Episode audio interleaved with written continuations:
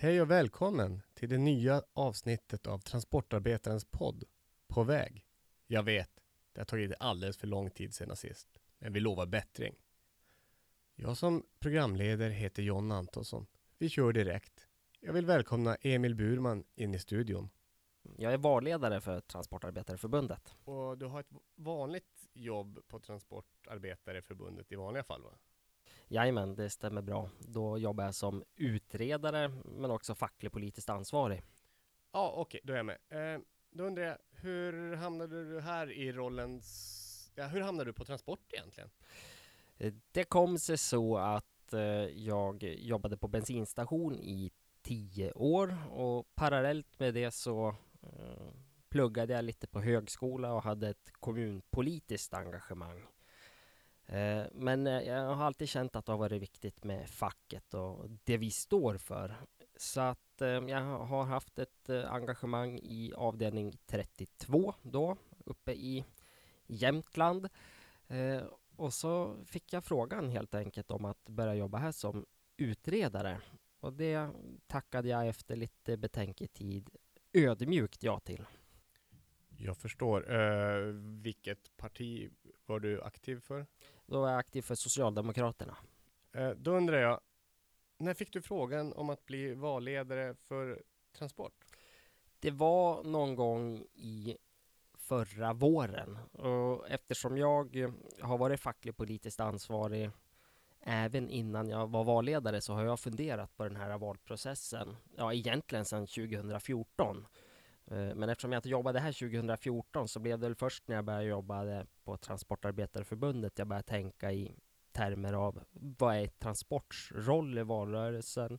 Vad är våra viktigaste frågor och framför allt hur ska det gå till rent organisatoriskt? Jag tycker att det hör ihop med många andra delar av det vi gör i fackföreningsrörelsen. Det är inget snack om att det viktigaste vi gör är att sluta starka kollektivavtal, att vi ska representera våra medlemmar och mer eller mindre kriga på arbetsplatserna. Det är inget snack om den saken. Men vi vet ju också att det finns ett antal lagar och regler som påverkar arbetslivet och vardagen för många av våra medlemmar.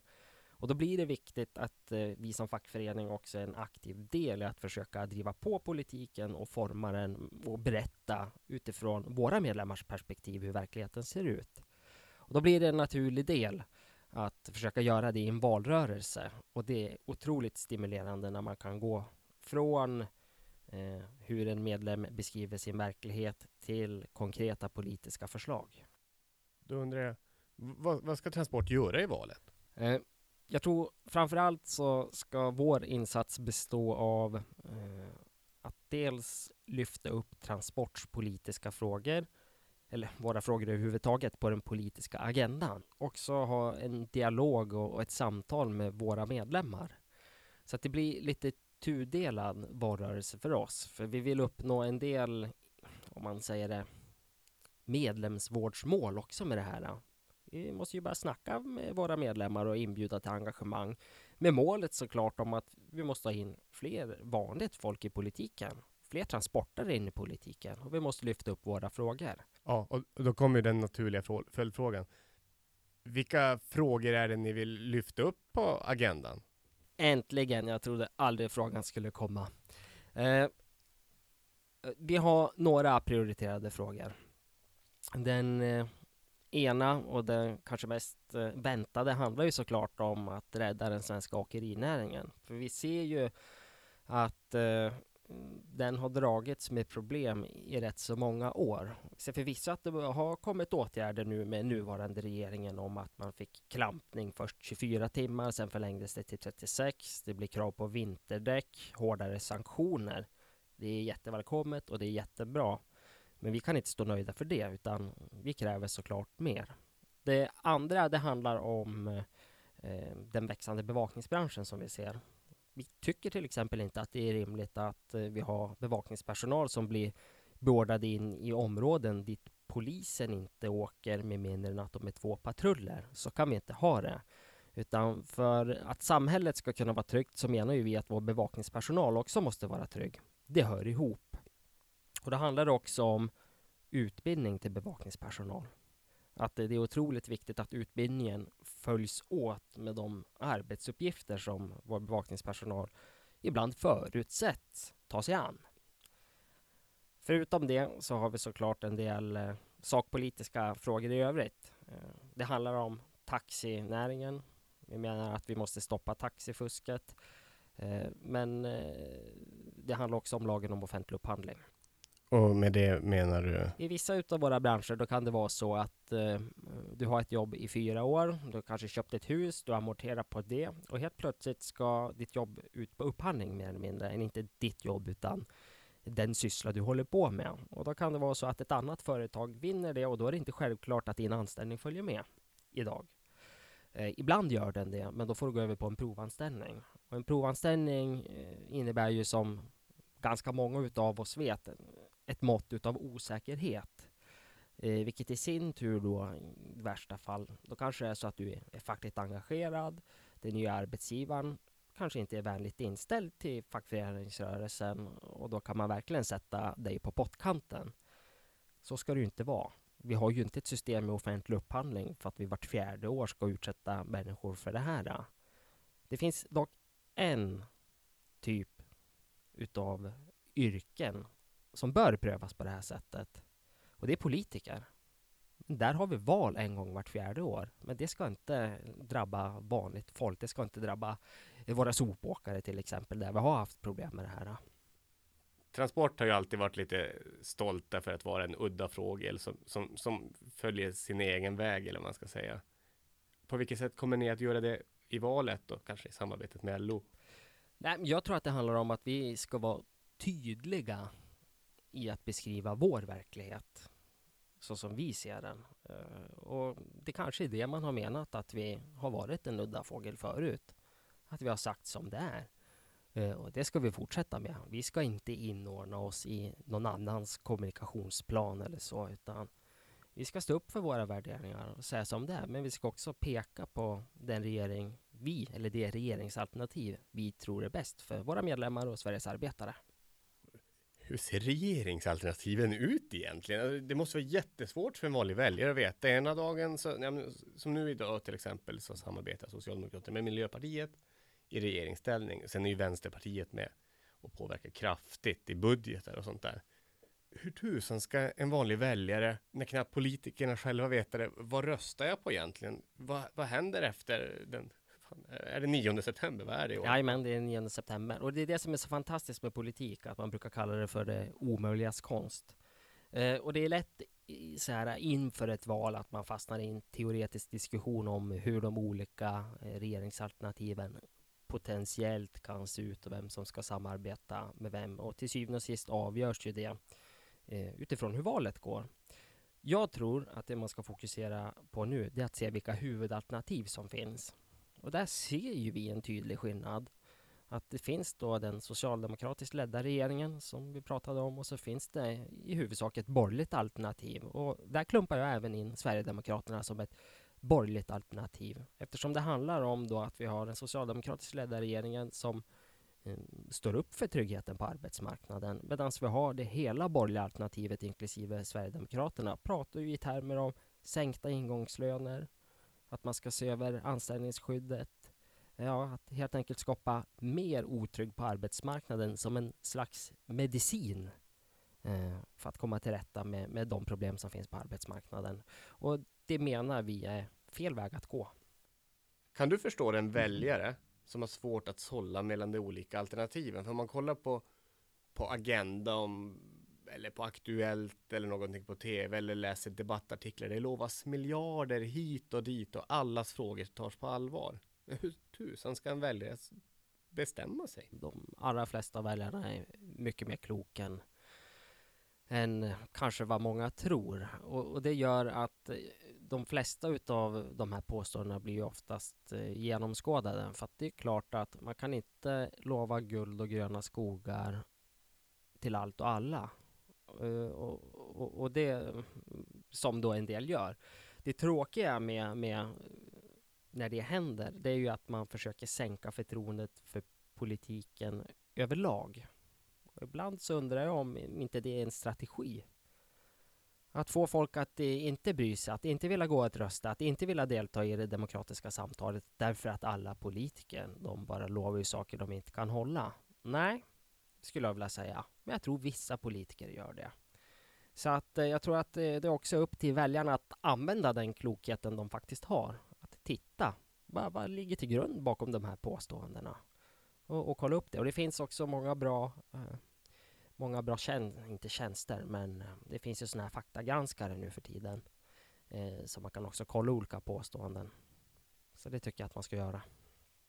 Socialdemokraterna hade i tisdags presenterade de sin valstrategi. I onsdags var det LOs tur och i torsdags var det Transports tur. Och en sak som jag märkte då var att Socialdemokraterna pratade om två olika väljargrupper de ville nå. Det var delvis de så kallade blockbytarna. Och så var det de som står och väger mellan Ska jag rösta på sossarna eller ska jag rösta på Sverigedemokraterna? Och min bild är någonstans att inom transport så kanske det är den senare gruppen som är vanligare. Sådana som svajar SDS. Om du kommer ut på en arbetsplats och så träffar du en medlem och så säger den personen Jag kan inte bestämma mig. Vad skulle du då, som är socialdemokrat och, och, och transportare, säga till den personen? Nej, men jag vill eh, bara börja med att säga också att eh, av den grupp som inte har bestämt sig för hur de ska rösta eh, om man kollar ett snitt på Transports medlemmar och många andra fackliga organisationer också så är det nog att man står och väger mellan S och SD. Men en majoritet av, av de som är medlem röstar faktiskt på Socialdemokraterna så som det är idag. Bara så att jag får det sagt. Eh, men då skulle jag vilja ställa frågan så här. Vill du ha svenska villkor i Sverige? Vill du ha svenska löner i Sverige? När det gäller eh, för de som är här och jobbar. Jag tror att väldigt många skulle svara ja på den frågan. Och har man gjort det, att man vill ha svenska löner i Sverige och svenska villkor i Sverige, då blir det ganska naturligt att man ska rösta på Socialdemokraterna. Eh, därför det är det partiet som står upp för det. Och sen det finns ett antal partier som andra partier som också står upp för det i mer eller mindre utsträckning. Så. Men, men klart är för mig att borgerligheten inte gör det och inte Sverigedemokraterna. Det kan ju låta eh, motsägelsefullt men eh, de har ju visat det. De var motsträviga i lagen om offentlig upphandlingsfrågan. Man kan säga att man skulle kunna ställa krav på att svenska löner ska gälla i Sverige via, via upphandlingen. Eh, så det var man emot.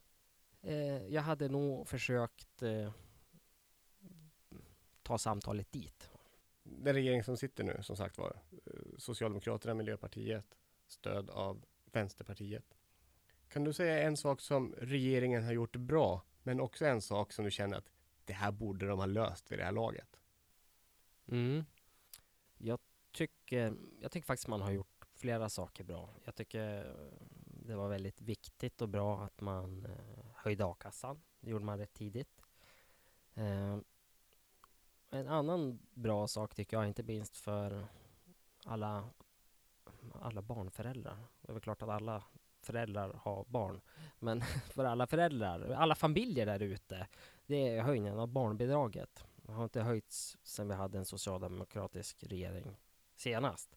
Så det, det, tror jag var välbehövligt. Men det finns ett antal fackliga segrar i det regeringen har gjort också.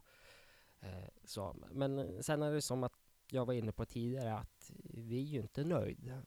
Vi tycker nog att man borde tidigare under regeringsperioden ha snabbat på arbetet med cabotagetrafiken till exempel, den olagliga inrikestrafiken. Ehm, bland annat. Man skulle ha kunnat införa till exempel om vi pratar taxi skulle man redan ha kunnat infört ett krav på eh, att köra och vilotidsboken att det inte ska vara manuella böcker utan det borde vara digitaliserat så att det inte går att tvinga någon till att fuska eller att medvetet fuska med de här reglerna. Så det finns, eh, det finns ett antal saker kvar att göra, minst sagt. Men eh, visst har man gjort bra saker, det har man. Nu är vi inne i februari, det är den 2 februari. Hur ser det ut för dig och ditt eh, valarbete fram, fram till Ja, men fram till den 9, hur är planen fram till den 9 september egentligen? För dig personligen? Personligen? det eh, är många besök ute i landet inbokade. Eh, men sen så handlar det också faktiskt om vanligt hederligt kontorsarbete. För det är eh, saker som ska skrivas, det är material som ska göras, det är mejl som ska svaras på och försöka vara den här spindeln i nätet på så sätt. Så att eh, kortfattat, min plan fram till valet, det är med glädje och spänst i arbetarrörelsens tjänst. Vad ser du fram emot? Jag ser fram emot eh, att känna den samlade kraften eh, från Transportarbetareförbundet som fackföreningsrörelse. Därför är det så här att eh, du var inne på det själv förut. Vi är rätt tjuriga, vi säger som det är, vi är envisa. Och när vi ger oss fan på någonting, då får vi saker och ting gjort också. Eh, och det är det jag ser fram emot i, i, i valrörelsen. Att nu har vi målsättningar vi ska jobba för. Vi ska lyfta upp våra politiska frågor på agendan. Vi ska försöka få in våra egna kandidater i, i de valda församlingarna. Och vi ska fasen se till så att vi får en arbetarvänlig regering. Och det känns fantastiskt kul. Det ser jag fram emot. Sådär. Jag vill tacka Emil så mycket för att han tog sig tid. Jag vill också passa på att tipsa alla läsare om att senaste numret av tidningen kommer hem till er när som helst. Om det inte redan har gjort det när ni lyssnar. Flera av artiklarna från tidningen finns såklart redan nu att läsa på transportarbetaren.se.